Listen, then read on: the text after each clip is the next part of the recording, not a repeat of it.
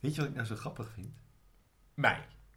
Jezelf. Ja, sowieso. De wereld. Nou, nee, maar waar ik over na zat te denken. Nou, Ik zat naar eh, twee drag queens kijken op YouTube. En eh, die waren aan het lachen. ja. Heel hard. Ja. En toen dacht ik, hetero's Ja. lachen niet zo hard. Nee, dat klopt. Dat is echt een unieke eigenschap voor Nou, homoseksuelen. je hebt ze er wel bij, maar ze zijn gelijk irritant. Ja, wij lachen leuk hard. Nou, Nee. ik denk als je met een decibelmeter langs een gaybar loopt, dat hij gelijk zegt, oh, doe, doe de zaak maar dicht. echt hard. Homo's lachen echt hard. Ik vind dat echt een eigenschap die bij homo's... hetero mannen doen... Ho, ho, ho. Weet je wat dat... Nou, dat is het kerstman trouwens. nou, de kerstman is toch he- hetero? Ja, dat, dat, Dat is wordt het gezegd. Maar zo'n maar zo'n zo'n dragende lach, weet je wel? Dat is zo'n heteroseksuele lach. Zo aanwezige, ik ben een man lach. Ja, maar En wij wij, kakelen. wij kakelen. Pull over, Beverly. I have places to go. Wij, nou, wij hebben gewoon te veel Disney films gekeken. Ja. Waarin de vijand, de krullen veel altijd... nee. Zo zijn wij ook. Nu ben je net Mario. nee, eh... En dan nog even, ik wil ook nog eventjes dan delen dat ik het belachelijk vind dat op pizzadozen tegenwoordig er een naam staat, zoals Budapest of Sydney, maar niet de ingrediënten. Vind ik, vond het zo stom. Ja. Hij was wel lekker, maar het was wel stom. Ja. Nou ja, hè? Heb je gegeten? Ja, nou, Nou dan, niet keer. Hoi, ik ben Jeroen Kallaars. En ik ben Jesse de Vries. En dit is De tweede aflevering van het vierde seizoen. van Cheryl! Cheryl! Een Goois Vrouwen-podcast.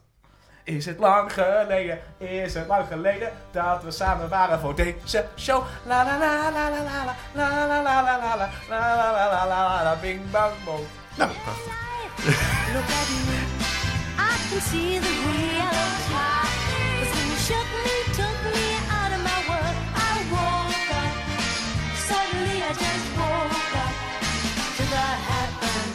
In een Gooise Vrouwen podcast bespreken Jeroen en ik iedere keer een aflevering van Gooise Vrouwen. Onze meest favoriete en op dit moment meest, nou ja, laten we zeggen, belangrijke serie van het jaar. Want het houdt mij op de been. Het houdt me weer op de been. Het, het, het geeft me weer een reden om wakker te worden. Dat is gewoon zo. Dit keer doen we dat onder het genot van een lekker wijntje. Ja. Heerlijk. En deze week hebben wij het onder andere over... De was van Merel, Svetlana en de wijze woorden van de mannen van het gooi. Oh, nou, dan schiet ik even een wijntje voor in, hoor. De fles heeft last van zijn prostaat. ja. Brandlos. Seizoen 4 is weer hier. En ik drink geen bier. Ik drink wijn. En Jesse gaat mee. Want dit is aflevering 2. We gaan richting Sinterklaas. We zijn aan het voorbereiden op de, op de gedichtjes. ja. Ja. Eh, hij heet...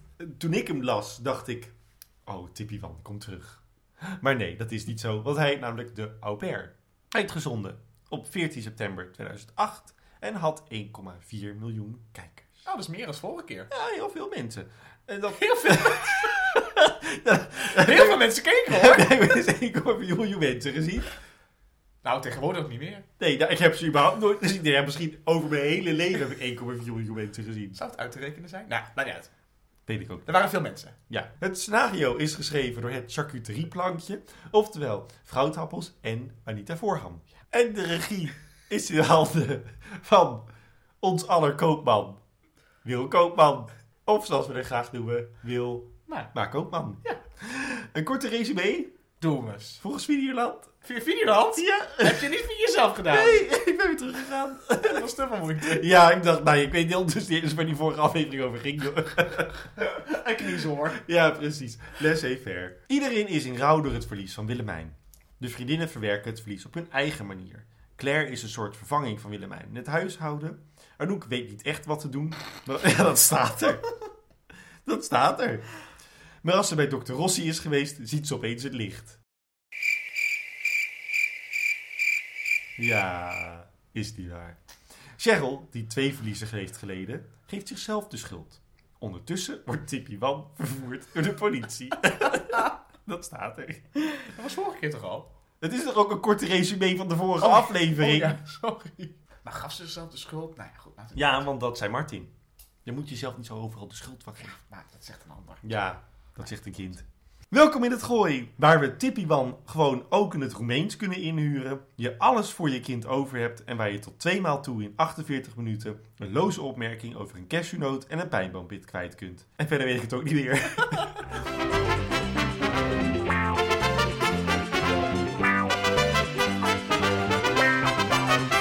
Acte 1. We kunnen allemaal opgelucht ademhalen. Er is niks ernstigs aan de hand met Martin. Sterker nog, volgens de zuster heeft hij het lijf van een man van 20. Ja, ik ben 29 en heb al zeker 10 jaar niet meer het lijf van een man van 20. dus kan je nagaan. Wat gaat er mis? Ja, hoewel hij nog wel allemaal pijntjes voelt en bang is voor een terugkeer van de aanval, moet hij maar gewoon in een zakje ademen. Cheryl vraagt of hij wel kan optreden. Hij heeft straks Symfonica in Negro. Wat we, maar moeten, wat we maar gewoon moeten begrijpen als Symfonica in Rosso, maar dan in het zwart en verder niks raars. En ik ga het vanaf nu ook gewoon Symfonica noemen. Ja, goed zo. En volgens de zuster kan dat wel. Dat hij kan optreden. Vlinder, weet u Vlinder nog? Ja, dat kind. Ja. Heeft nieuwe vriendinnen gemaakt op school, namelijk Isolde en M.E. Ja, de ME. Als zij een feestje binnenkomt, is alles gelijk ontruimd. Ik moest het heel vaak opnieuw luisteren. Ik zeg nou SME, want dat is een naam. Nee. Maar ME, Ja, misschien AI mee, maar kon ze de A niet zeggen. ja misschien. Die zijn cool en zijn al bezig met netwerken. Dat doe je op de Gooise Hockeyclub en daar wil Vlinder dus ook op. Is geen vriendinnen meer met Brecht en Jultje. Die willen potten bakken en op Bikram yoga en daar kan je niet netwerken. Anouk ziet deze rebelse houding aan als iets brutaals positiefs, lijkt in de auto. Zeg ik erbij, disclaimer. Mm. Dat lijkt zo in de auto. Maar Suzanne Visser wist eventjes niet zo goed welke richting op ging met de rest van de aflevering. Want het is echt zo een beetje naar te kijken van, oh nou. Maar de rest van de aflevering is de hele tijd van, god, waar gaat allemaal vlinder? In Huizen van Kampen staat Claire zich op blote voeten te vervelen. dat kastje. Ja, met het kastje open, kastje dicht, aan, uit. Oh. Uit verveling belt ze Mereltje. Want ja, dat zou ik ook doen uit verveling. En die... Weet je nog? Ja, Merel. Mereltje. Ja, die, moeder, die moedermoordenaar. Ja. Ja. Om te vragen of Merel de was nog komt doen. Blijkbaar is ze het huis uit. Ja, sinds seizoen 3. of dat ze überhaupt van plan was om langs te komen. Uit de reactie van Claire blijkt dat Mereltje daar even geen tijd voor heeft. En dus fijnst Claire ook met een drukke agenda. Ze heeft die middag nog wel een dingetje van Anouk. Dat dingetje van Anouk is volgens mij een kunstpresentatie in de tuin van het Zinger in Laren. Oh, is het, is het niet met de achtertuin? Nee, het is het Zinger. Ach, gaan ze weer eens heen, hoor. Ja, dit is altijd in het Zinger. Aluminiumbeelden van mannen, torso's en billen schitteren in de zonnestralen van het gooi. Dat wordt de eerste zin van mijn boek, denk ik. Er lag een lijk. Ze vindt zelf dat ze zichzelf heeft overtroffen. Ja, wat een opmerking van een Echt, nou, ik vind dat ik mezelf echt heb overtroffen. Oh, man, bedrijf. Met Vlinder valt geen lamp te bezeilen, want die ligt echt op de grond in het gras. En ze geeft Vlinder over aan Tom. Ze vindt het maar een rare actie van Vlinder om te willen hockeyen. Dan komt Rossi de tuin in met een grote bos bloemen voor Anouk, die ze hartelijk in ontvangst neemt. En dan hou je zucht eventjes voor je voor de volgende. Komt Evert langs. Met een tenger meisje met lang blond haar en een kort jurkje aan. Verbijsterde gezichten van Cheryl en Claire volgen en ze willen even polshoogte nemen terwijl Martin zegt dat hij het benauwd heeft en geen zakjes bij zich heeft. Claire zegt dat hij een cashewnoot moet nemen. Ja, neem een cashewnoot. Ik snap er niks van.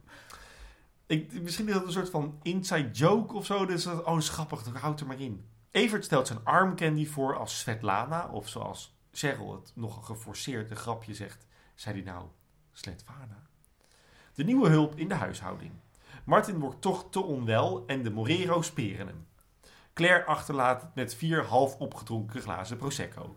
Nou ja, je moet de slinger zelf ophangen. ja, want het feest kan al beginnen, zou ik zeggen. Ja, je hebt vier glazen Prosecco voor jezelf. Je kunt lekker door naar huis. Ja, precies. Onderweg naar huis belt Martin met Barry over zijn lichtplan. En thuis bij Claire mist ze net Merel, die er het truttigst uitziet ever. En weer door moet naar wat vrienden. En ze acteert zo slecht. Is ze ooit... Nee. S'avonds zitten Arnoek en Tom bij haar thuis haar kunstcollectie te vieren met een wijntje. En volgens mij hun allereerste goede gescheiden oudersgesprek. Ja.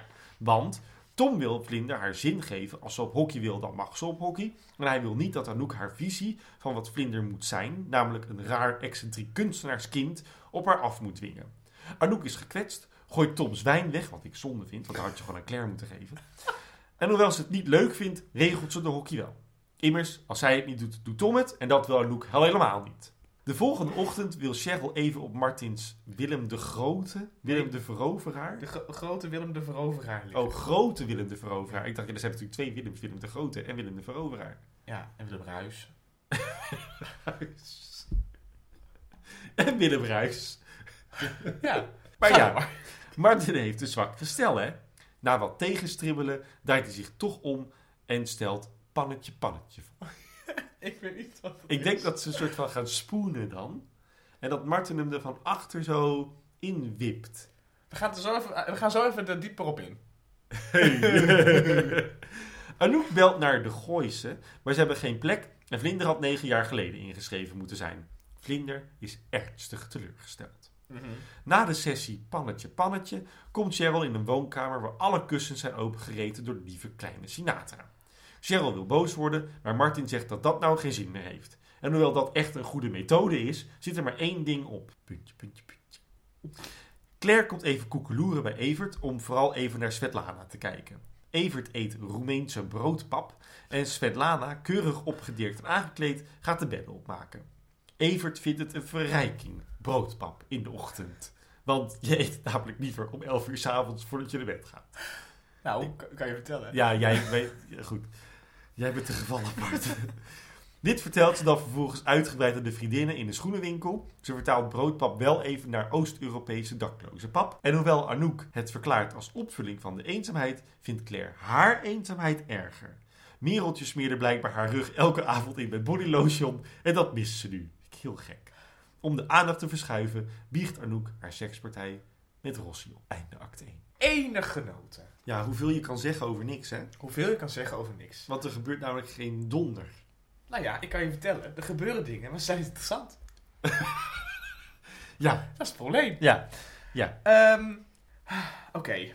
Jij hebt heel veel opgeschreven. Ja, ik heb heel veel opgeschreven. Laat ik beginnen met ehm, eh, de kleine dingetjes, namelijk over Vlinder. Vlinder heeft het over netwerken. Ja. En ze draagt überhaupt een Zwijnstein-shirt, deze aflevering, met die vier emblemen erop. Echt super lelijk.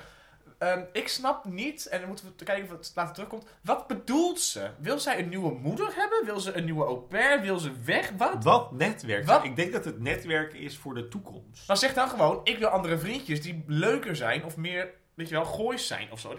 Oh, ik snap Nou, want netwerken vind ik echt iets wat, wat die kinderen hebben overgenomen van hun rijke ouders. Maar dat heeft ze, dat, want dat, dat heeft, Anouk heeft het er nooit over. Dus, en als ze ergens kan het werken, is het op die, die tuinboulevard eh kunstwetenschap ding. eh. Ja, vrije uren of zo. Het is dat Ach, uur? hou het toch eens op. Nou, dat ben ik gewoon in de war.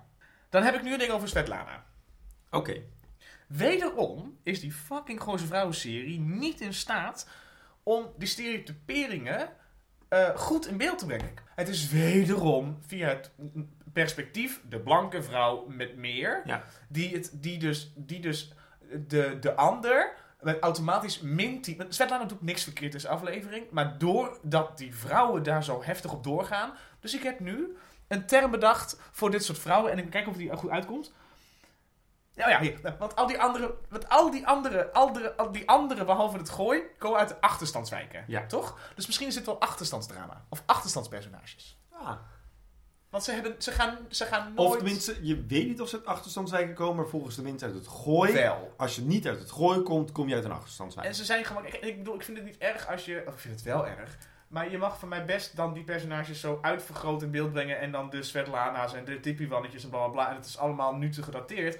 Maar buig het dan nog een beetje om. Ja. Maar nu weer... Geef het dan nog een, een tegenkleur. Had dan gedaan, Svetlana komt eraan, ziet eruit als een, als een loeder, maar praat ABN en heeft een universitaire opleiding gedaan. Weet je, doe dan, de verwachting is van de vrouwen dit, de, de, en, de, en, de, En dan heb je drama. en dan is het ook leuk. Dan Ja. denk je, oh, fijn. En dan, Ja. maar, Alleen ze moesten natuurlijk een personage hebben wat. eh, het is. Svetlana is eh, Jean-Louis Sarly. Is eigenlijk Svetlana deze aflevering. Ze hebben één personage nodig waar die vrouwen wat van kunnen vinden. ja. En dan op het eind van die 48 minuten moeten ze weer opgedonderd Maar zijn. dan kun je het beter een personage pakken die er al is, want dan heb je drama. 100 Maar dat doen ze niet bij maar dat Gooise ze niet in Gooise Nee. Vrouwen. Want ze moeten altijd weer iemand nieuws hebben. Ze hadden eigenlijk eh Cecile van Buren moeten introduceren bij deze aflevering. Als nieuwe arm candy van Evert. Weet je De wel? Gooise vrouw. De Gooise vrouw. Ja. Want Het is Willemijn. Of ze, misschien, ja, precies, ja, klopt. Nee, ja, goh. Maar, oké, jij zegt Svetlana doet niks verkeerd. Het personage Svetlana doet niks verkeerd. nee. Maar de actrice die ze hebben aangenomen Ja. om Svetlana te spelen. Nou ja. Zij heeft gewoon besloten, luister, er staat Engelse tekst. Mijn kostuum is mijn personage. I do like this, Yes. because uh, I cannot do uh, better English than this. What I like, I like, like all dit. Uh, my husband is antiquair. Yes. Eh, en dan, Maar if it's a name in Dutch, dan is het Anouk. ja, oh Evert. Ja, ze hebben de plank een beetje misgeslagen. Sistine Carion, Tippiwan, Mhm. neelt Tippiwan. Ja, klopt. Ook al wordt ze door de mangel gehaald door iedereen in die hele serie. Zij is een ijzersterk personage dat 100% gelooft in Ja, zichzelf. klopt. Svetlana is een gimmick. Zelfs Jean-Louis Starly was nog, Nog- minder een, een Ja. gimmick. Want die was ook nog een oprechte Fransman. Maar dit is dus gewoon geen goede regie. Dit was belachelijk. En dan eh, die uitgroei. Maar dat was heel hip misschien. Ja. Ik was verward Door. door Alles. Anouk en Tom... die elkaar een kus op de mond geven... tijdens de presentatie. Ja, ik kan me ergens wel voorstellen dat het wel is, omdat je, zeg maar, je bent goed uit elkaar gegaan, je hebt een kind samen. Ik kan me wel voorstellen, ik had het misschien ook wel gedaan met mijn ex. Als ze, zeg maar, op een goede manier was. Ik weet niet, ik had het wel. Ik bedoel, eh, ik heb ook met mijn beste vrienden, behalve jou, dat ik mensen op de bek tol. Maar dat wil ik ook helemaal niet. Nee, precies, maar dat, dat zou wel kunnen, dat het kan. Toch? Ik weet niet. Ik bedoel, ik snap het misschien voor jou waar het is, maar het ligt meer aan jou. nee. Ja, nee, ja, maar nee, ja, het is En misschien voor omdat, omdat goed. Arnoek is dus natuurlijk een heel fysiek persoon. Ja, zij wil gewoon heel graag dat die, die fysieke interactie hebben om te weten dat je hallo zegt. Ik vind wel, Tom was seizoen 3 eng. Hij was Paul van Loon. Ja, hij was eng. Hij was, hij was... En nu heeft hij lang, iedereen heeft dit seizoen lang haar. Ja, klopt. En dat lange haar, dat doet mannen zoveel goed. Het staat hem ook. En ik heb het er zo meteen met je over. Nee, nee, we hebben het zo meteen over. Oké, oké. Dan nu. Dan nu, Voordat ik heel graag eventjes een momentje wil pakken. voor een grapje. Nou ja, niet voor een grapje, voor god voor mijn hele scriptie. Oh. En wat is het nut geweest van de scène van Martin en Cheryl en Remy in de auto?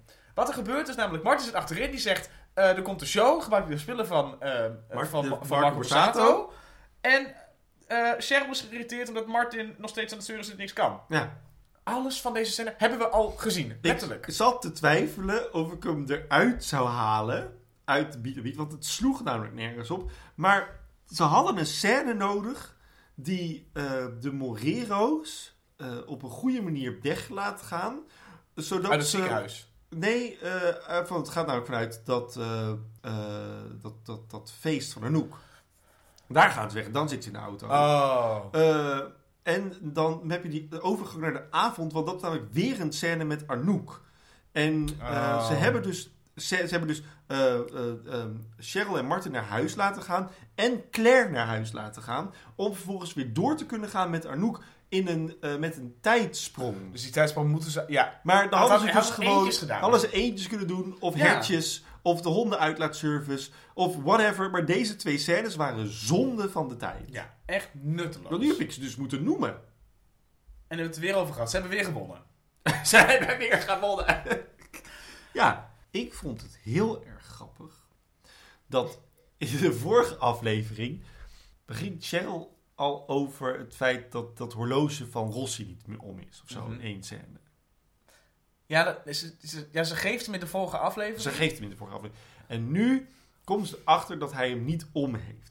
En dan begint ze ook heel hard. Oh, waar is de Rolex? En dan zegt ze. En dan zegt ze. Ja, dat is namelijk heel handig. Want als hij wil weten hoe laat het is, kan hij meteen zien hoe dankbaar wij zijn. Dat vond ik een van de briljantste zinnen die deze aflevering mij heeft gegeven. Ik vond hem zo grappig. Dat is echt heel erg goed dialoogwerk. En ook zo Cheryl. En zo manipulerend. En ik wil later nog een keer terug, toch? Met Martin. Ja, want Martin die, die komt zo nog een keer terug. En het is zo grappig. Dus die hele Rolex-situatie met Rossi, daar kan je eigenlijk al aflevering Maar daar denken ze dan wel over na. Over Ja. de lijn van de Rolex. Maar weet je, Jesse, dit soort, deze, eh, deze categorie discussie Ja? hebben we al heel vaak gevoerd. Ja, ik weet het. Want ze hebben namelijk hun prioriteiten niet op orde in die schrijverskamer. Nee, geen schrijverskamer. Het is Nee. gewoon mailen met elkaar. Die heb ik geschreven. Ja. Heb geschreven. Ja, Aan elkaar plakken, pdf. Ja. Maar iemand moet die lijn in de gaten houden. Die denkt, nou, ah, muziek? Ik kan niet deze denken. Dat was de tijd ver vooruit. Ja, Ik had ook corona in 2008. nee, sorry, ik heb corona. Dat iedereen... Ja, hij heeft corona. Ik weet niet wat dat is, maar hij heeft Ik heb Heineken, maar ik vind corona niet zo lekker. Nou, dat is leuk zeg. nou, kom in je scriptie. Ik heb uitgezocht waarom Gooise Vrouwen niet geloofwaardig is. Als geheel. Als serie. Oké. Aan de hand van Merel haar sporttas met schone was. Wat het volgende gebeurt. Merel komt... Ah, eh, Claire belt Merel weer, wie was dat toen? En dan begrijpen we uit nee, of ik ga het zo meteen... In ieder geval, ze komt niet langs. Ja. Claire gaat naar het dingetje van Anouk. Ja. Ik ga ervan uit dat het middags is. Ja, dat, dat was ook... Dat was het. Maar klaar. ja, nee, en wanneer het belletje was, waarschijnlijk einde ochtend of zo. Want je gaat je kind niet bellen voor 10 uur 's ochtends. Dus ga even met me mee. Ze belt tussen 11 en 12. Met Merel en zegt, kom je vandaag nog langs, gaan we lekker broodje eten. Dan ga je de was doen. Ja. Merel zegt, nee, kom niet. En Claire heeft 1, 2 uur, heeft ze dan, heeft ze dan die presentette Ja. van Anouk. Ja. Ze komt terug voor de presentette. Ja. Merel heeft een grote tas Ja. met droge, schone was mee. Ja. Ik heb even uitgerekend Hoe hoe lang lang? het duurt voor zo'n tas gemiddeld om gedroogd en gewassen te worden. Oké. Ga met me mee. Ik ga met je mee. Nou, een kort wasje. Ik heb mijn machine even namelijk ernaast gedaan. Ja? Even meegekeken. Een kort wasje, 40 graden, Ja. duurt ongeveer eh, 1 uur 15 op mijn machine. 40 graden zijn je shirtjes, misschien een spijkerbroek. Ja, schat, we hoeven niet te Ja, weten. jawel, dat is belangrijk. Dat is belangrijk. Dat is belangrijk. Oké. Dus ga ervan uit. Dan heb je dat. Ze heeft ook onderbroeken Ja. en ze heeft handdoeken. Ja. Nou, je delicate, BH'tjes en je slipjes. Die delicaat. Ja, delicate was. Delicatesses. Die kun je niet. Die kun je niet drogen. Nee. Dus, oké, de krimpen een kort wasje, 40 graden, ander 1 uur en 15 minuten. Dan een delicate wasje is ongeveer op mijn machine voor 30 minuten. Eh, eh, en dan heb je nog een wasje handdoeken. Dat is ongeveer 60 graden, is ongeveer anderhalf uur. Ja. Dat betekent opgeteld dat ze al 3 uur en 15 minuten kwijt is aan wassen alleen. Ja. Dan moet je nog droog. Dan moet je nog even uitzoeken. Alles eventjes uit je, uit je, uit je ene plunjezak halen. Dus zeg dat ze ongeveer, nou, drie uur en een drie, drie uur, drie kwartier bezig is met überhaupt de was doen. Ja. Dan komt het drogen nog eens een keer. Ja. Nou, gemiddeld wasje drogen, een volle mand, kastdroog plus, is ongeveer anderhalf uur. Maar het ondergoed, dat mag niet in de droger. Nee. Dus dat moet dan handgedroogd worden. Ja. Dus of in de zon, of met een föhn. Al met al. Nee, want kijk, je doet zo. Je doet eerst je delicate. Ja. Ja. Ja. Haal je eruit. Ja. Dan hang je dat op. Ja, Dan in de zon, want het was lekker weer. Dus maar dan ben je wel tijd kwijt. Nee, want je haalt het eruit. Je gooit Ja. er nieuw was in. En ondertussen Ja. ga je naar beneden om dat eh, op te hangen ergens. Ja, daar, ben, daar ben ik ook. Nee, want jij zegt, Nee, je moet het met de föhn doen en mijn hand droog. Dat was, dat was de volgende Oh, stap. nou is goed, prima. Dus als hij per wasje, dus die, dit- die 60 graden was met de handdoekjes en de was met de shirtjes, is ze nou al bijna 5 uur kwijt. Nee, dat is niet waar. Eh, eh, 3 uur kwijt. Dat betekent dat zij ongeveer tussen de 5 uur en de 5,5 uur nodig is. Ervan uitgaande dat de delicate was dan aan een rekje gaat en zo. Is ze al 6,5 uur kwijt. Nou goed, dan moet ze die delicaatjes nog ophangen. Reken er een half uur voor. Dan, maar goed, dan moet het wel droog. Ja, Dus ze is misschien tussen de 6 en de 7 uur lang is ze dus bezig om zo'n tas met was te doen. Maar Claire is, als we ervan uitgaan dat ze rond een uur of 12 uur, 1 uur is weggegaan, is ze naar dat zomerkutfeest gegaan. 6,5 uur later is het half 6, 7 uur. Is het nog niet donker. Nee, dat weet ik wel. Maar dan heeft ze dus in de eentje daar heel lang gestaan met drie Heel champagnes. veel En ze was niet dronken. Nee, want dan had je inderdaad verwacht ze zwalkend over Dus, de grind komt met Dit klopt niet in de tijdlijn. Ja, dat klopt. Dus die serie klopt niet. Oké, ik snap je punt. Zou het ook? Want jouw theorie hè, Ja? bevat heel veel speculatie. Ja? Zou het ook zo kunnen zijn dat Mereltje heeft gezegd: Ik kom de was niet doen. Maar toen is Claire naar de president gegaan. Ja. En toen dacht Merel: Maar ik heb wel nog kleren in de kast hangen. Dat ga ik even ophalen. Oh. Maar volgens mij heeft ze echt gezegd: Heb je de was gedaan, toch of niet? Ja, wil je nog de was doen? En dan zegt ze, nee, heb ik al gedaan, zoiets. Ja, Misschien is er wel twee wasmachines. In ieder geval... maar goed. Nee, het, het klopt gewoon niet. Het is, het is eh, slordig. Want ook omdat je dat. Dat was zo... Ook omdat, Slordig, slecht ook schrijfwerk. omdat ze dat gesprek heeft gehad. Maar dan wel met een volle tas aan en zetten. dan, dan had uh, Tjitske Reininga de scène anders moeten interpreteren. Of had Wil het anders moeten regisseren.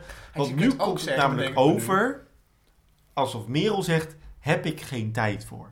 En dan wel zes uur lang besteden aan drie Nou, Of ze heeft alleen maar shirtjes gewassen. één grote wasmat volgeflikkerd. Dan ben je in twee uur ben je klaar. Ja, dat kan. Dan nog eens aan het liegen. Dan nog eens de moeder aan het verketteren. Maar dat maakt niet... Ik vind het moeilijk. Ik ben het met je eens. Dus ik ben zowel boos over de stereotypering... Maar weet je Jesse, als over de droog. als het gaat over geloofwaardigheid van Gooise vrouwen... daar kunnen we weer een hele andere podcast over maken. Ja, maar ik vond het leuk om het wasje te gebruiken als een voorbeeld. Ik vind het hartstikke leuk. Weet je, ik zat toch naast mijn machine. Er is nou ja, geen reet geloofwaardig van Gooise vrouwen. Precies. Nou, en daarmee denk ik dat ik acte 1... Oh nee, nog niet. Nog twee dingen. Broodjespap. Heet in Groningen lammetjespap. Ja, Mijn moeder maakte formaat een Brinta klaar, maar dan echt van die betonbrinta, weet je wel, met weinig melk. En mijn broer at dan altijd lammetjespap en dan met heel veel suiker. En het is vies en het wat is... is een lammetjespap? Je pakt gewoon brood, bruin brood of lichtbruin brood, dat flikker je in warme melk met suiker. Dat is het. Ja, en het wordt dan een soort van Zompige bende. flubberige, vieze... Oh, het is zo... Oh, het is echt zo smerig. Claire zegt ook, daar gooit er zeker een half beschimmeld brood in. En, maar even, het is echt veel te geacteerd zo. Ik zo, oh, lekker. Nee, is helemaal... Ik bedoel, het is, het is gewoon zoet brood Ja, en melk. weet je, rijke mensen weten niet wat dat is. Die kun je toch verkopen als caviarbrood. Ja, dan weten ze wel wat het is. Nee, dat, dat, dat vond ik echt... Oh, lammetjespap. Oh, oh. het is ook gewoon een rare, raar iets om te zeggen. Een verrijking, broodpap in de ochtend. Het is een ontbijt. Het is ontbijt. Stomme vent. Maar had zijn vrouw verloren. En dan hebben we het nog over... eh, eh, ja, nou ja... Over dat ik wel mooi vind is dat in die, in die kledingwinkel... Anouk is dus eenzaam. Claire is dus eenzaam. En dan moet Cheryl ook wel eenzaam zijn, denk ik. Ik denk dat Cheryl wel eenzaam is. Ik weet niet zo goed. Oké, dit, is- dit is natuurlijk weer zo'n ding. Waar komt dat vandaan? Dat Cheryl eenzaam is. Bij de Morero's. Hoe komen ze nou weer op een probleem? Dat gaan ze het inflikken en over twee afleveringen gaan Hoe, hoe komen ze daar nou weer op? Hoe, vraag ik je. Hoe? Hoe? Hoe? Hoe? Hoe? Ik weet niet hoe. Nee, dit is belachelijk. En over eenzaamheid gesproken. Als eenzaamheid is dat je je eigen rug niet kan insmeren. Ik kan mijn eigen rug insmeren. Kijk. Oh ja, ik zie het heel goed. Dus ik ben nooit eenzaam. Nee, maar ik snap... Oh ja, nou, dat vond ik ook zoiets. Oh, die, ja, Ja. Claire Ja. wijst hulp in de huishouding af van Evert. Ja. Omdat natuurlijk Svetlana is. En zij wilde liever Svetlana zijn. Ik snap het wel. Ik snap het wel. Ik snap, het, Mhm. ik snap het wel. Hoewel het ook ongeloofwaardig is dat Claire überhaupt Svetlana wilde zijn. Want waarom wilde ze... Maar goed, dat daar gelaten. Erachter. Zij zegt dus, de enige reden wat duidt op haar eenzaamheid... is dat Mereltje haar rug niet kan insmeren. Waardoor ik dus denk, dus jij ziet Merel als slaaf. Ja, Merel moet elke avond soort van put een lotion in die Ik basket. snap dat wel. Want Merel heeft je geprobeerd te vermoorden. Ik zou, me, ik zou nooit mijn rug toekeren aan een moordenares. En sowieso met je... Vooral ook omdat toen ze de rug toekeerde... ze die basketbalknuppel in de kop kreeg. Wat is het daarmee? Dat is Michael Jordan, dat is een Ik basketbalknuppel. ben zo homoseksueel. Een honkbalknuffel. Honkbal. Hockeybalknuppel. Honk, Oh. Ja, nee, en dus, ook Merel zijn een beetje over zo'n vieze vlokkerige rug aan het... Ja. Oh, maar- Ja, nee. Tijd voor acte 2. Einde acte 1. Dag. Doei. I'm what you think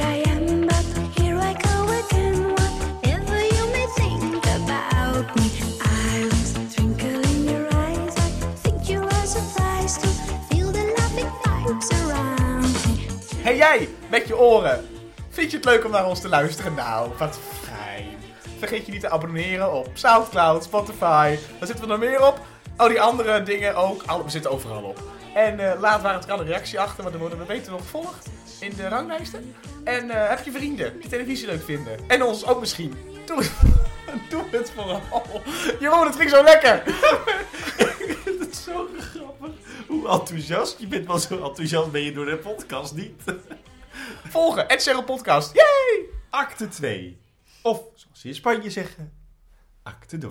Ik was dat de vorige aflevering vergeten, maar ik hoorde inderdaad in de opname dat Jess heel zacht is. dacht, acte 2 echt weer subtiel doen. Ja.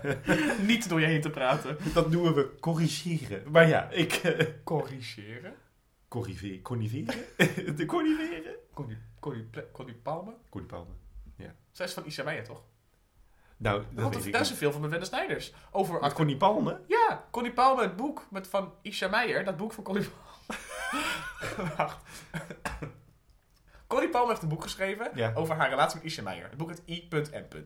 Dat boek, IM, is verfilmd met Wende Snijders en met eh, eh, de dichter des, de pup die nu acteert. Nasser? Ja, en dat is, Wende Snijders is de zangeres van Acte Trois. En speelt Ben Snijders dan Connie Palme? Ik heb het film niet gezien. Maar wat weet jij veel van een film die je niet hebt gezien? Research voor Acte 3. Hey, Acte Trois. nou, eerst acte dos.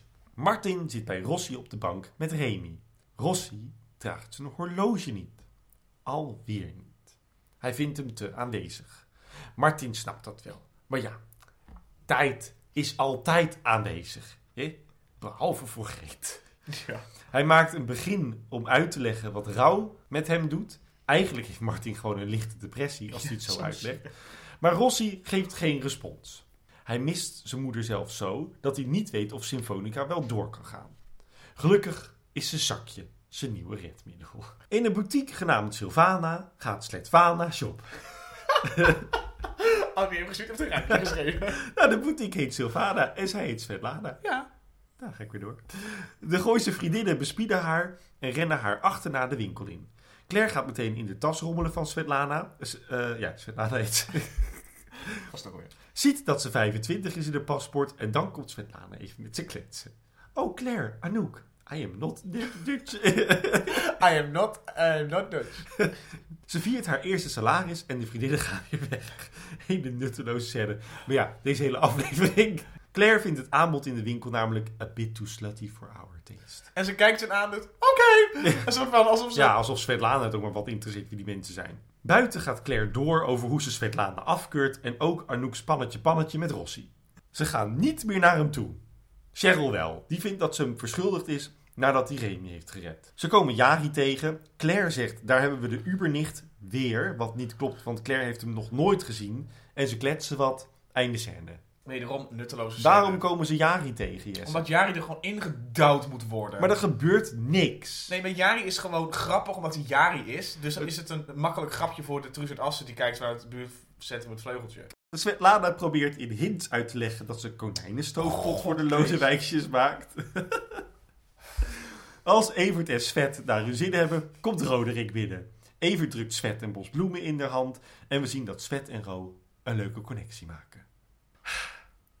In een duistere cel zit Tippy Wan haar schoonschrift te oefenen.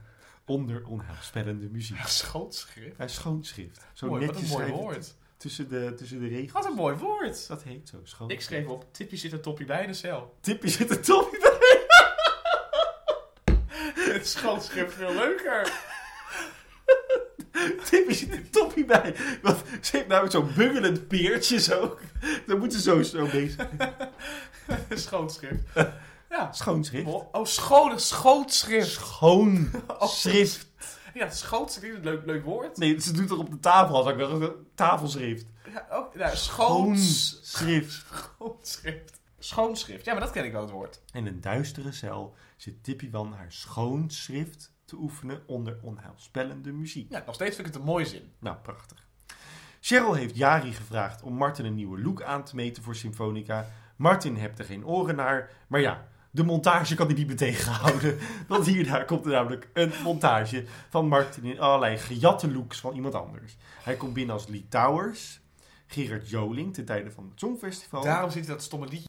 Maar als hij binnenkomt in zwart leer met een soort ontploft Barry Hay kapsel, vinden Cheryl en Jari het helemaal de look. Ik vond het echt Elvis-achtig. Het Echt slaat zo- nergens op wat hij draagt. Maar het is gewoon, het is de Golden Earring-achtig, eh, die Barrier. Sinatra heeft alleen de peperdure laarzen van die look net opgeknaagd. Geeft niet. Nee, ik moet even als, als Jari natuurlijk. Geeft niks, Geef- geeft niks, geeft natuurlijk wel, maar geeft niks. Dat was het. Geeft niks, geeft niks. Geeft natuurlijk wel. Geeft niks. Om vlinder op de goois te krijgen, doet Anouk wat Anouk het beste kan. Ze verleidt een bestuurslid van de club met een glaasje wit, een blokje hout op het vuur en een rauwe Zeeuwse oester. En ik wist niet eens dat Anouk uit Zeeland kwam.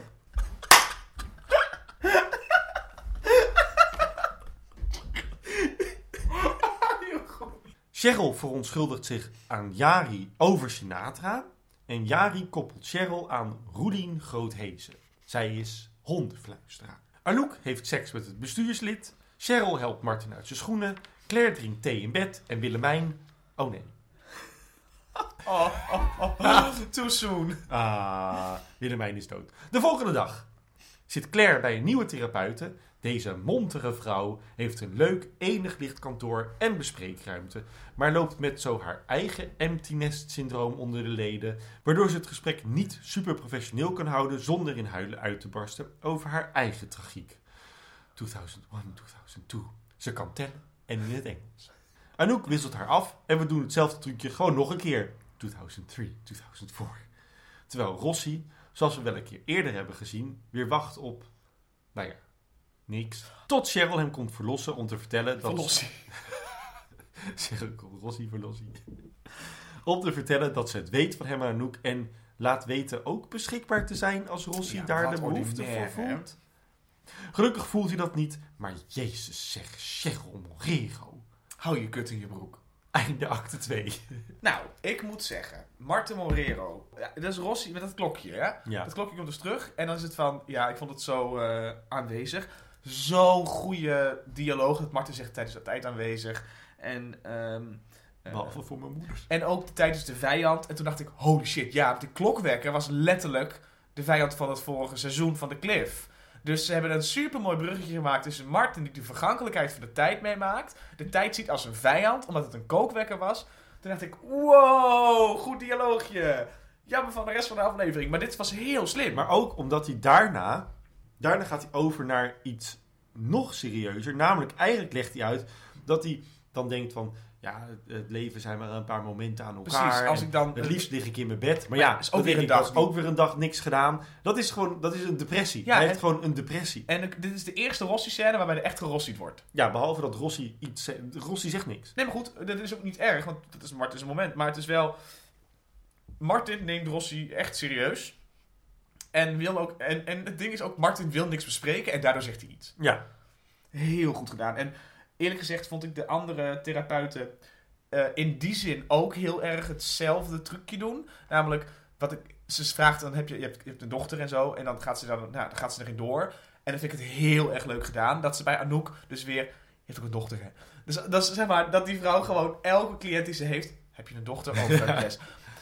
Ik bedoel, het is natuurlijk belachelijk en het is niet professioneel en het mag nooit gebeuren. het Maar- is wel grappig. Alleen die 2001, 2002, 2003, dat ze echt... Ja, zij, wat ze, ik ze telt door, of ze OCD of zo? Nee, wat ik ook wel eens heb gehoord, dat als je dan... ehm, ik heb soms het veel te, veel te druk hoofd.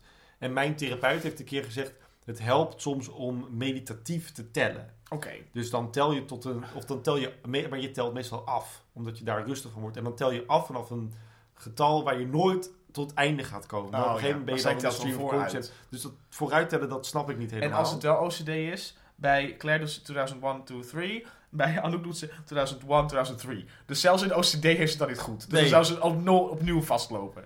Maar, ik wel, ik vind het niet leuk dat het twee keer dezelfde scène is, want het is letterlijk twee keer dezelfde scène. ja. Het enige wat de scène verandert, waardoor ik het leuk vind om er toch naar te kijken, is de reactie van de twee vrouwen op, hetzelfde, op dezelfde situatie.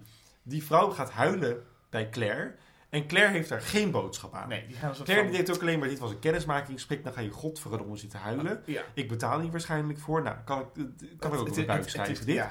En Arnoek, die gaat meteen een therapeuthouding. Die gaat een doekje Die geven. gaat, die gaat die gaat- tissues geven. Die, die, die gaat waarschijnlijk daarna nog vragen hoe het met haar gaat. En die gaat nog een enig gesprek met die vrouw hebben. ja. En het is zo leuk om te zien dat die twee actrices hun eh, personage onder controle Klopt. hebben. Dat ze weten wat ze moeten doen.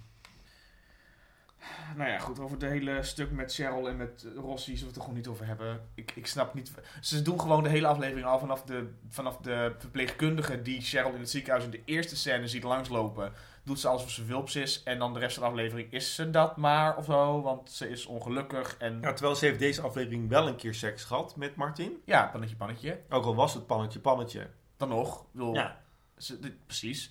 Ik vind het echt, dat vond ik die vorige keer ook, dat Rossi niks te doen had omdat die vrouwen te, te druk hadden met die charity, weet je Ja, nog? ja, ja. dan heb je ook al van die scènes van Rossi verveelt zich. Dat ik denk, dat zijn niet je enige klanten. En als ze hebben afgezegd, dan ga je toch wat anders doen in de tussentijd. Maar dan ga je niet zitten wachten totdat er iets wel gebeurt. De wereld is gewoon heel klein. Rossi gaat gewoon... En who gives a fuck als Rossi nu een scène lang moet wachten? Interesseert me geen flikker. Nee, Rossi is daar niet... Ik bedoel, hij doet wel belangrijke dingen in deze aflevering. Als in, hij, doet, hij is aanwezig in belangrijke scènes. Maar dan is het gewoon een goede spreekgroep. Maar ze zetten hem dan neer alsof het een personage is waar wij iets bij moeten voelen. En ik voel Maar dat is hetzelfde als met dat hij dan in het begin met Anouk met die bloemen, dat hij haar een kus op de hand geeft. En ik denk, Rossi, je bent al heel lang, drie seizoenen lang, de therapeut sowieso al van Anouk. Je weet hoe ze in elkaar steekt. Je gaat het aan het publiek, ga je een kus op de hand geven en doen alsof je verliefd bent. Doen... Ze zijn gewoon vergeten wie Rossi is. Dus- Ja, ja, dat is eh, heel... Oh. Vanaf nu heb ik, als er problemen zijn met de serie, op het gebied van, Een alarm. Eh, op, ja, namelijk, geeft niks, geeft niks. Het geeft natuurlijk wel. Geeft niks, geeft niks. Geeft natuurlijk wel, maar geeft niks. We zijn één ding vergeten. Wat ben jij vergeten eigenlijk? Oh, Namelijk het trekmomentje. trekmomentje. Ja, de laags worden uitgetrokken bij Martin. Oh ja. En zij... Nee, ik heb het wel genoemd. Oh, was ik te Dus veel ik noem het alleen, Cheryl helpt Martin uit zijn schoenen. Oh ja. Dat was ook zo Ik gemakkelijk. haat dat soort scènes. Het is soort van... Haat het. Het is één seconde alsof het seks is, maar dan is het iets anders. Doe, doe, als er iets is waar ze geil van worden, zijn het laarzen. Weten we seizoen 1 nog? Ja. Oh ja, natuurlijk. Toen Martin zich ging verongelukken met... Wat was het nou? Dat hij bijna aangereden Ja. werd. God, Cheryl, hou ze aan! God, God, Ja, kom al! Nu het rietje open. Als er iemand is die gaaf van zou worden, zou Martin moeten zijn. Ja, maar Martin draagt zelf die laars, En hè? dan kan je het ook denken, oh, doe maar laarzen uit. Ja, oké, dat klopt. Ja, nee, ja, eh, ja. Ik heb er moeite mee. Ja, nee, ik snap het. Oh ja. Over Jari. Waarom Jari erin zit, heb ik als volgt beschreven. Jari wordt erin geduwd als, een, als de enige top op een bottomfeestje.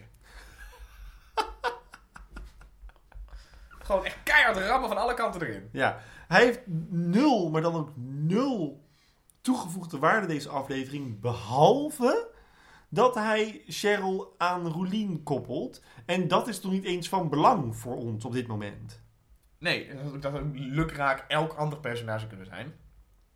Jari is gewoon een middel tot, eh, de, tot de stereotypering toevoegen. Tot de grap toevoegen. Want hij noemt, hem, eh, Martin noemt hem de verkleednicht, eh de relnicht. Stylist, Martin. En de beste in Nederland. Claire is over... Ja, oh. Ja, wat Claire ook zegt over die... Dan hebben we de Ubernicht weer. Ik kan me er heel erg aan ergeren, want ze hebben nog geen scène samen gehad. Claire is ook überhaupt voor voor democratie-stemster. Maar dat is ze altijd al geweest. Maar wederom laat ze nu weer zien. Want zoals al met, eh, hè, met die asielzoeker, daar is Nu ze met altijd Svetlana. niet... Ik snap dat ze ze daar nog niet zou vertrouwen, omdat Tippy Wan ook... Maar dat wordt niet zo Ja, gebruikt. maar Claire heeft echt xenofobie. Dat is gewoon wat zij heeft. Oh ja, waar, eh, waar, hoe is het met Claire's geld? Weet jij dat? Nou, ik denk dat het gewoon dat er iets ontploft is, een kla- een, een- misschien een plofkraak geweest is bij, bij de Ik bij- weet waar er iets ontploft is, namelijk in Huizen Lodewijks. En dan heeft ze vervolgens het, eh, het, het zilver van tante Elsbeth meegenomen. Dat is het. En heeft ze verkocht op Marktplaats. Ja. En dat zien wij niet, want het is Gooise vrouwen. Dus alles wat van belang is, dat zien we niet. Buiten de coulissen.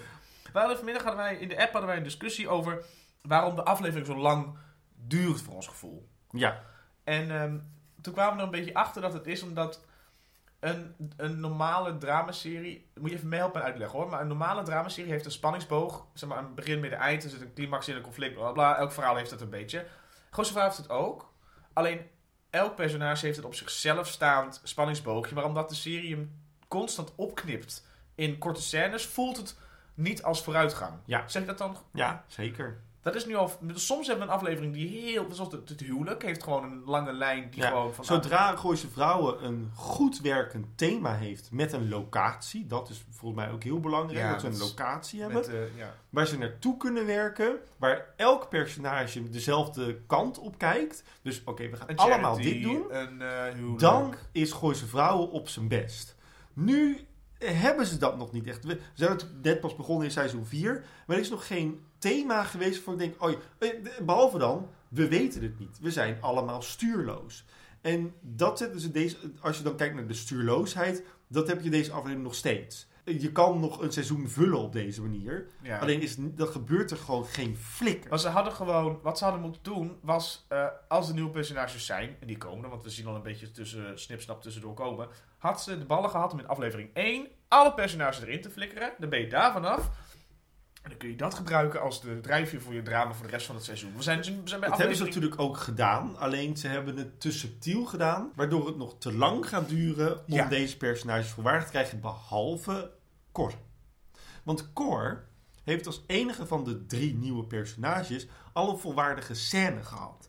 Wat, wat ze met Jari hebben gedaan. Jari heeft nog geen enkele volwaardige scène gehad. Met een spanningspunt. Met confrontatie. Met een conflict. Dat heeft hij gewoon niet gehad. met andere mensen behalve... Heeft hij niet gehad. Behalve alleen maar iemand erbij.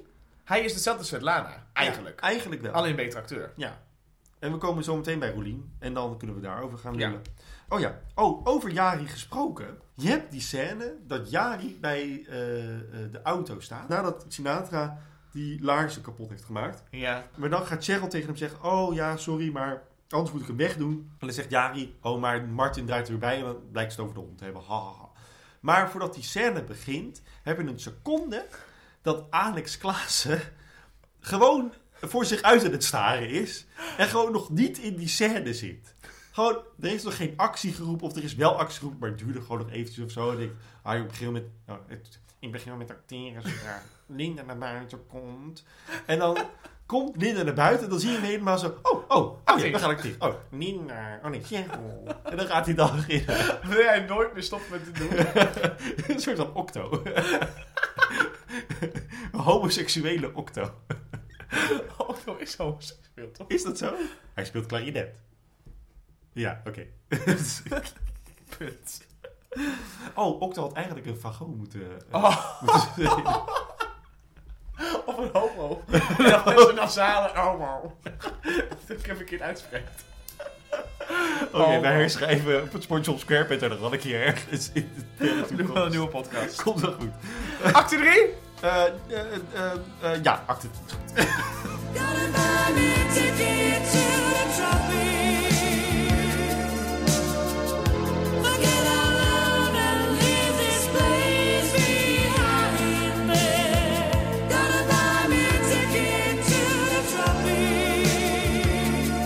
Hallo, jij luistert nu naar Cheryl, een Roosje Vrouw podcast. Moet je luisteren. Ik heb een gevoeletje en eh, die wil ik graag met je delen. Namelijk dat ik het zo fijn vind dat je luistert. Maar ik vind het fijner als je ons ook een beoordeling achter eh. Ja, achter geeft. Weet je, Als je langer wil luisteren, dan ben je achter. En dan geef ja, een vijf sterren. en de rest van de tijd zeg ik, blijf naar ons luisteren. Blijf ons volgen. We zitten op Instagram en op eh, Facebook. Cheryl Podcast. Adios. Acte 3. Of, zoals Wende Snijders zou zeggen, acte 3. In de Gooise Hockeyclub winkel of zoiets. Je weet wel. De Gooise Hockeyclub winkel. Ja, het is een soort van merchandise fanclub winkel. Ik weet niet wat het is. ze hebben dan posters gemaakt op A4 papiertjes met een printje. Dat doen ze altijd met Gooise. Oh, wat is het weer goedkoop. Gelooft de winkelmedewerkster niet dat ze iets hebben in vlindersmaat, maar vindt gelukkig toch nog een hele collectie. ja, dan komt ze, nou ik weet niet of we wat hebben. Ze is echt letterlijk één seconde uit beeld. Dan krijgt gewoon van de productieassistent 40 van die eh, shirtjes in de hand gedouwd. Nee, Eh, eerst één. Want er moet er één wassen. Nee, oh nee, het zijn er natuurlijk meer. Ze Oh, kopen ja. zo met drie, vier shirts of zo. En dan legden ze neer en dan zegt Anouk, nou een eentje heb ik er ook wel genoeg. Nou, die zit er ook wassen. naast. Kutwijf. Claire gaat even praten met Svetlana, maar Svetlana wil vooral alle kleding van Willemijn aan haar doneren. Evert wil namelijk de kast opruimen. Claire is ernstig aangedaan en loopt met drie koffers vol kleding van Willemijn weg. Roelien, of die ik eigenlijk liever ken als zoals Martin dat altijd zegt, Roelien. Oh, dat gaan we nog zo vaak horen, jongens. Dit is zo. Ik had het niet eens door. Zit als de hondenfluisteraar die ze is op de bank bij de Morero's. Cheryl vindt het erg, no- Luisteren. Cheryl vindt het erg nodig, Martin niet zo. Roelien wil dat Cheryl en Martin zich zo natuurlijk mogelijk door het huis bewegen, zodat ze kan zien hoe Sinatra op ze reageert. Er is veel veranderd in Sinatra's omgeving, zoals zijn omgeving. En zijn oma is net overleden. En tante Willemijn. Zijn au pair zit in de TBS. En met Martin gaat het ook niet zo goed. Volgens Roelien is Sinatra zijn zelfvertrouwen kwijt. En dat is een femotypisch probleem. Niet een hemotypisch probleem, dat kan je zo zien. Maar ja, wat doen de Morero's eigenlijk? Ze weten het zelf ook even niet meer. Martin zegt trouwens tegen Roelien dat hij zonder klok leeft. Heel frappant, Ik hè? leef niet met de klok, ja. Nou, Zoals die het- monoloog bij Rossi. Ja. Klopt. Heel raar. Op de hockeyclub zien we een bekend gezicht als een nogal Sue Sylvester-achtige coach. Dat is een goede ver- vergelijking. Ja. Want het is namelijk... eh, namelijk Joan Nederlof herself. Scenarist. Ze duldt geen sieraden, kort of opgestoken haar, medewerking van de ouders, dat wil ze wel, en geen ordinair geschreeuw aan de kant. En Vlindertje draagt kleding van de oude sponsor, dus ze mag een nieuwe garderobe aanschaffen. Welkom in de DDR. ja, ik vind het heel, heel Oostblok, Het is. Oost-Berlijn-achtig. Ja, het- waar is de muur? Ja, buiten moet Cheryl Sinatra positief bekrachtigen. Mooi, een beetje tegen het schellen aan, dat herkennen ze nog uit het nest. Piepen. En de zinnen mooie zit en mooie plas blijken leidend te zijn in Roeliens methodiek. Geld terug kan Anouk wel vergeten en de nieuwe spullen zijn nog niet binnen. Wat ik heel raar vind, want de rest van die club loopt wel rond in die nieuwe kleren. Vlinder moet ondertussen echt heel nodig plassen. Ja, Vlinder, ik vind het ook een hoop gezeik. Maar ze mag geen gebruik maken van het toilet. Uit woede stelt Anouk buiten de winkel voor dat Vlinder het op de stoep doet, maar Vlinder durft dat niet. Nou, dan doet Anouk het zelf wel. Gelukkig heeft ze zakdoekjes meegenomen. Aan de lunch in een restaurant hebben de vriendinnen het over seks met Rossi en met Martin. En dan niet tegelijkertijd, maar apart van elkaar. Dat is meer iets van Willemijn. Met Rossi en Martin De laagste. in de manege. Cheryl belt Martin alleen per ongeluk. En spreekt dus per ongeluk zijn voicemail in. Terwijl ze toevallig net beschrijft hoe hun seksleven is. Het is doet één keer links, één keer rechts, één keer links. Dan gaat hij rechtdoor naar beneden. Dan doet hij zes keer de rotonde linksom, zes keer de rotonde rechtsom. En dan begint hij te hijgen als een trekpaard en hangt hij hem erin. Dan denk ik, nou, 30 seconden pompen. En dan zegt hij zeven keer... Cheryl, Cheryl, Cheryl, Cheryl, Cheryl, Cheryl, Cheryl. En dan uiteindelijk zegt hij, godverdomme Cheryl. Nou, en dan rolt hij af. En dan gaat hij me nog wel twee minuten aaien, omdat hij gehoord heeft dat vrouwen dat leuk vinden. En dan valt hij in katzwijn. Hij is dus 22 rondjes heeft hij gedaan door Cheryl's hele huishouden. Een beetje de Grand Prix van Cheryl. Formule Cheryl. Ja. Claire vraagt of er een pijnboompit in haar salade zit. ja, wat ze met noten vandaag? Een pijnboompit is geen noot. Ja, een zaad dan. Maar dan denk ik ook, waarom heb jij het over noten en pitten? Terwijl iedereen weet dat Anouk Allergisch. allergisch is Van Academia. Nou ja, dood. Ja, maar Claire wil gewoon over iets anders hebben. Maar zeg dan... God, wat een heerlijke dag is dit. Maar ik snap ook niet zo goed waarom ze toen zei, eet een cashewnoot. Misschien had ze wel net bij de... Bij de, bij de, bij de Maar bij de zit daar misschien heel veel zuurstof in of zo? In een cashewnoot? Ja, weet ik veel, maar Als anders... jij, als jij toch onder water gaat te zwemmen en een cashewnoot in je bek duwt, ga je echt niet beter, dan zwemmen hoor. Doe eens normaal. Ja, het is goed met je. Nee. Nee. Nou ja, weet je, als een noot een man is, weet, Cheryl wel, weet Claire wel iets te zeggen. Zullen we het daar maar op houden? Ja, precies. Roderick kijkt naar foto's van hem en zijn moeder en wordt boos. Ja, ik vond het wel heel mooi. Ah, dat dat gouden deed. zon, hij moest acteren. Nou, hij hoeft alleen maar te kijken naar foto's. Dan kan elke boerenlul. en wordt boos op Svetlana als hij ziet dat de kledingkast van zijn moeder leeg is. In the heat of the moment kunnen er natuurlijk rare dingen gebeuren. En Ro en Svet bespringen elkaar. In het restaurant is de rekening overigens betaald door... Ach ja, door Ernst. Die met een lange, rossige vrouw de tent verlaat. In Huizen Morero staat een busje van een tv-zender. Want Martin zegt Symfonica in Negro af. Cheryl vraagt wat er is gebeurd en Martin zet de voicemail aan als antwoord. Het spijt haar heel erg, maar Martin heeft geen zin in haar excuses. Evert betrapt Svet en Ro en net terwijl hij rozen voor haar heeft gekocht en is diep teleurgesteld. Zijn kans op een ritje naar Roemenië is van hem afgenomen. Gezet lopen ze weg. De Lana uit. Credits. Goed. Wat heb ik te zeggen? Nou, ik heb wel één dingetje te zeggen die voor mij... Dat is denk ik het enige waar ik het echt heel erg over wil hebben.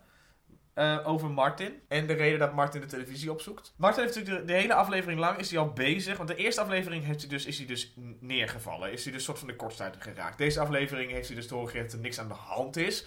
En moet hij dus zoeken naar een andere manier om dat, dat, dat gevoel in hem te plaatsen. Wat ik ook wel gek vind, want ik denk dat Martin wel te horen heeft gekregen wat er aan de hand is. Namelijk heel veel stress. Ja, En dat hij moet rusten. En dat hij zichzelf ook de rust moet gunnen. Ik, dat hebben we natuurlijk niet gezien. Dat heeft niemand tegen hem gezegd. Hij- die als, hij zich, nee, als hij zich duizelig voelt, moet hij even gaan zitten, maar er is niks Ja. hem aan de hand. Nee. Het is gewoon dat, waarschijnlijk heeft een dokter dat tegen hem gezegd. En dat hij dus in een zakje moet ademen als het hem te veel wordt. Ja, gewoon eventjes de hyperventilatie. Ja.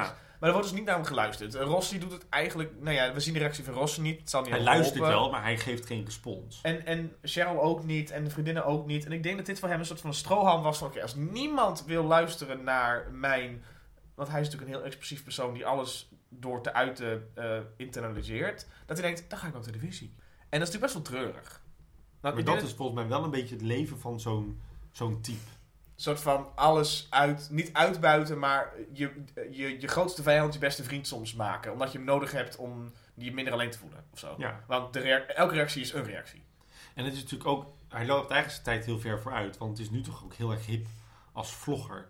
Om ook te laten zien dat het niet goed gaat. en zo. excuusvideo's Ja. en dat soort bullshit. En ja. hoeveel sterren zeggen wel tegenwoordig wel hun tour af omdat ze last hebben van een knie. Of omdat ze Ja. mentale problemen hebben of whatever.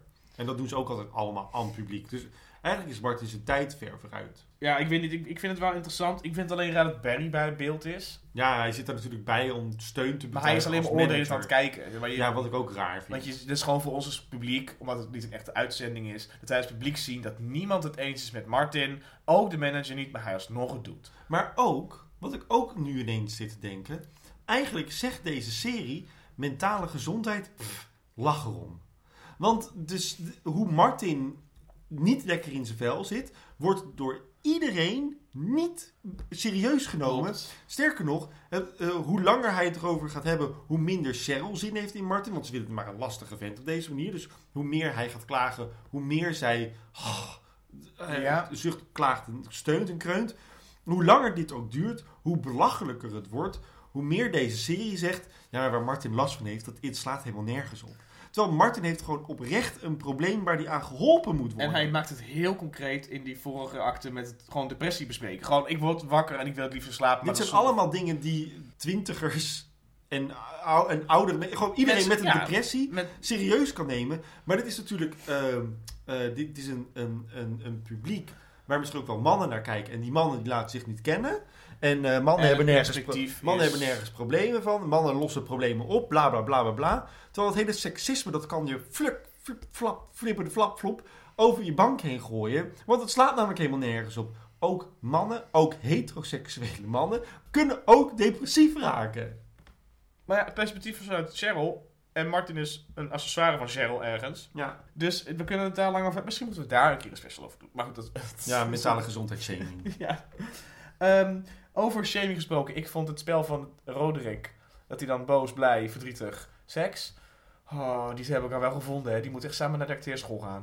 Ik bedoel, ik kan niet acteren, maar ik pretendeer het ook niet te gaan doen. Maar dat had, had eh, eh, eh, dingetje van de Gouden Afspraak het ook, ook nooit moeten pretenderen. ik bedoel, dat is toch hij? Dat is toch de Ja. dat is Nou, allebei. hoe heet hij ook weer van tevoren? Roderick? weet, weet ik hoe die vent van de voorkant Nou ja. de voorkant. ik weet niet hoe hij van de voorkant heet.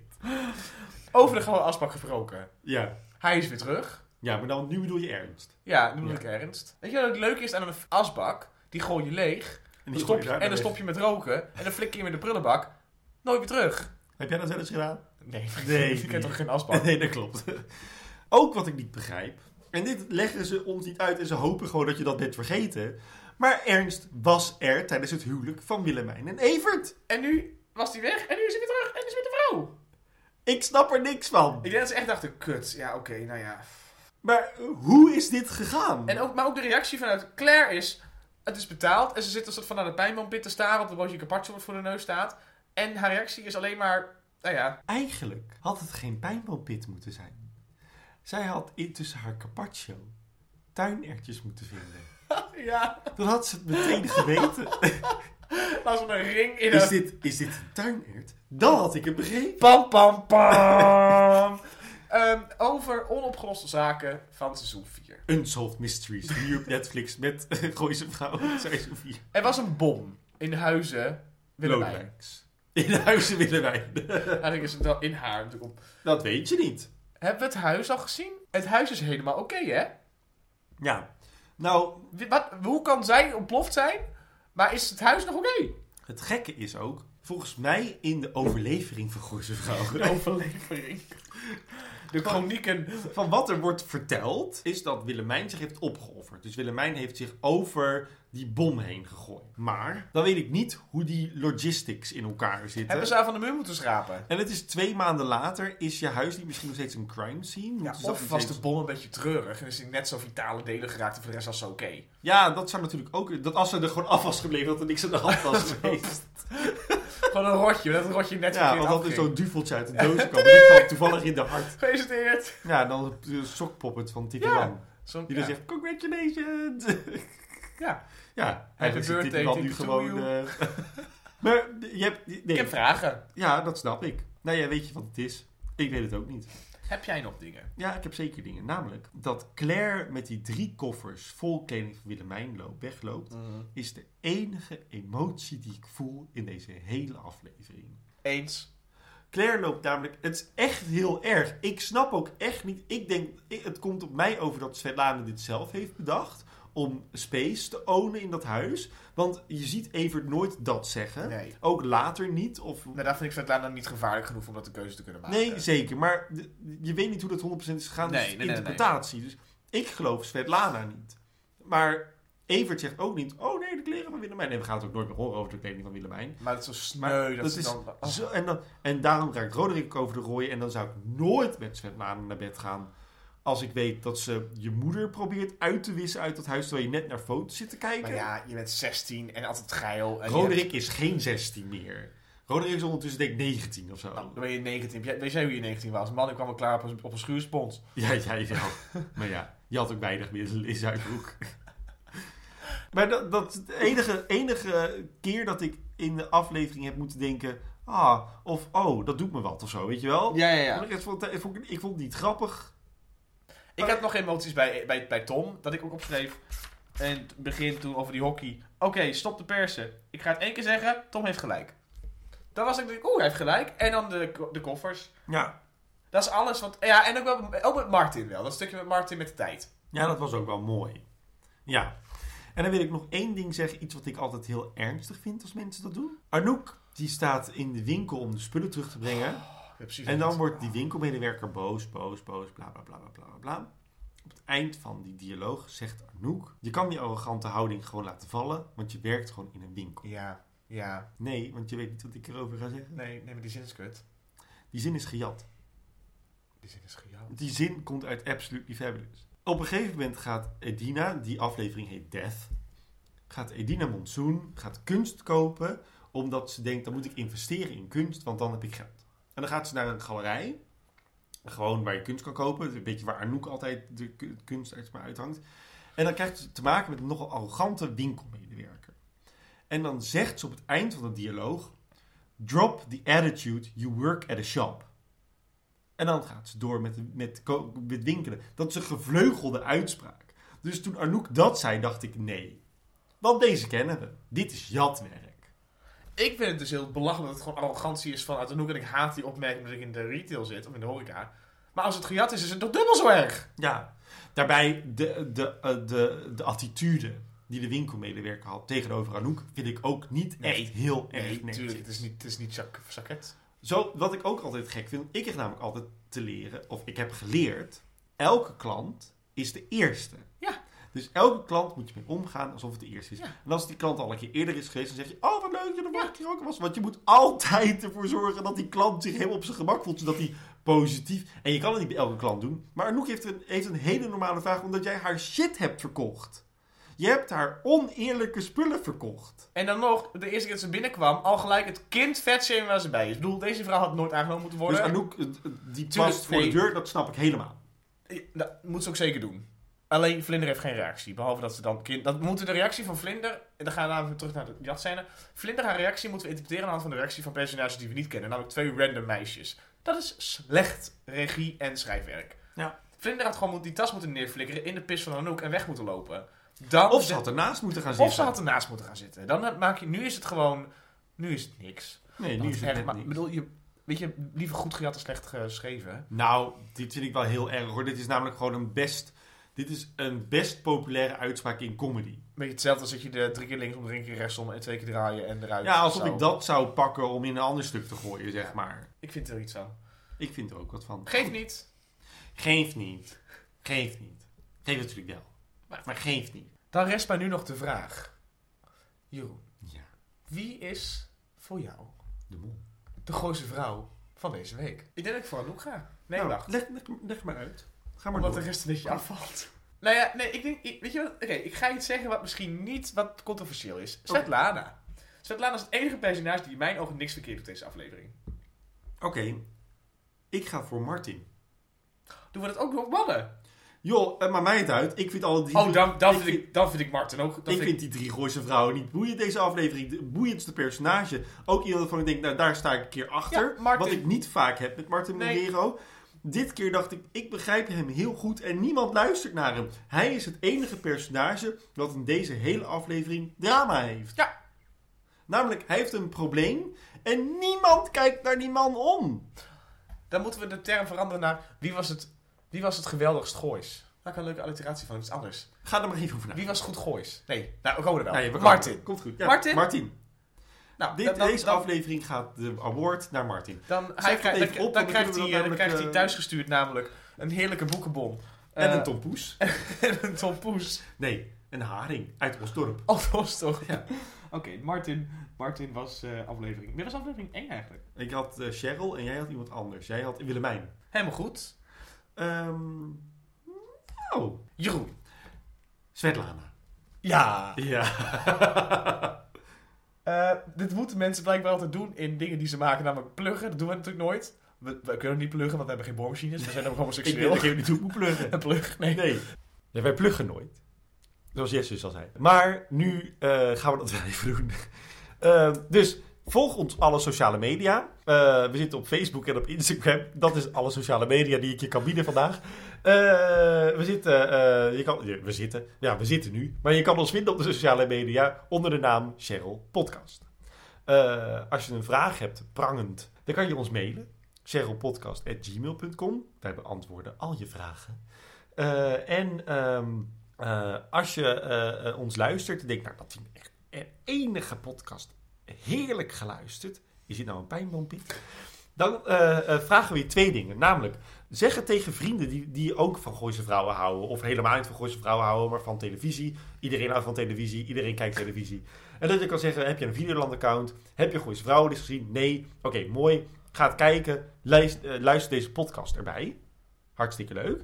En het tweede ding wat ik van je vraag is, als je ons hebt geluisterd, wil je ons alsjeblieft een beoordeling geven op welk, welke podcast-app je dan ook luistert. Of ik het nou zie op, nou ik weet niet zo goed waar je al een beoordeling achter kan laten. Abonneren meer, hè? Eh, ja, abonneer je.